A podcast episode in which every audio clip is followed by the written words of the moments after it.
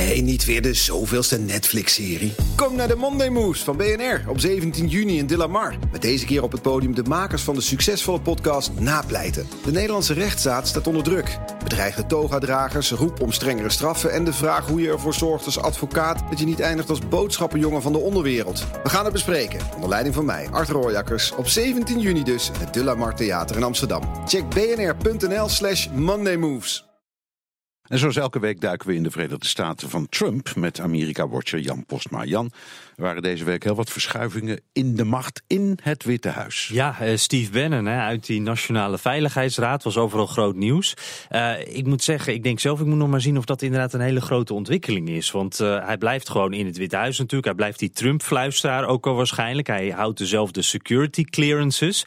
Dus nou, we moeten maar kijken hoe dit zich uitwerkt. Maar vandaag kwamen wel weer wat interessante details naar buiten. Bannon himself has been extraordinarily frustrated inside the White House, at one point saying, hey, if my talents aren't needed here, I can take them somewhere else. Ja, dit is Morning Joe, uh, MSNBC-programma. Uh, en en uh, ja, zij zeggen eigenlijk, die, die Bannon die heeft zelf ook met de vuist op tafel geslagen van... ja, als jullie me hier niet meer willen, dan ga ik wel weg. En een belangrijke geldschieter, Rebecca Mercer... dat is echt zo'n zo'n bekende conservatieve megadonor... die zou Bannon ervan overtuigd hebben om toch te blijven zitten... want in de toekomst hebben we je ook nog nodig, schijnt ze dus te hebben gezegd. En dan de, de first son-in-law, ja. Jared, Jared Kushner... die wordt steeds maar belangrijker. Ja, ja, die zien we de laatste week steeds verder naar de voorgrond schuiven. Ook zo'n senior advisor van Trump, zo'n gekke, een beetje informele, maar toch aanwezige uh, functie is dat. Echte vertrouweling, omdat hij natuurlijk de man van Ivanka is. Maar tegelijkertijd is hij ook maar een, een vastgoedmannetje uit New York zonder politieke ervaring. En dat maakt zijn grote rol in het Witte Huis ook wel een beetje raar, vindt ook Stephen Colbert. Kushner will become the head of something called the Office of American Innovation.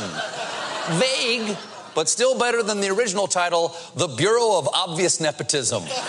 Ja, bureau van nepotisme. Die, die cushion is een soort uh, mannetje van alles geworden in het Witte Huis. Noem een dossier en hij heeft er wat mee te maken. Ja, nou, mannetje, mannetje. Hij is goed voor weet ik veel hoeveel miljard. Ja, okay. uit een goed, fijne familie komt hij, hè? Wat, wat, staat er op zijn to-do-list? Ja, uh, bij de Daily Show zetten ze dat even op een rijtje. En daar zitten ook echt een paar zware dossiers in. He's been planning this week's visit of the Chinese president to Mar-a-Lago. And he's also tasked with brokering peace in the Middle East.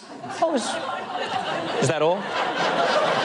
Ja, zo'n zinnetje tussendoor van even vrede in het Midden-Oosten. Best ambitieus, maar zeggen ze bij de Daily Show dat kan best. Als hij dan maar wel heel goed focust. And the president tapping his son-in-law to reform the criminal justice system. Not to mention, he's running the new Office of American Innovation, where he's responsible for reforming veteran care, tackling the opioid epidemic, and overseeing the not so small feat of revamping the entire federal government.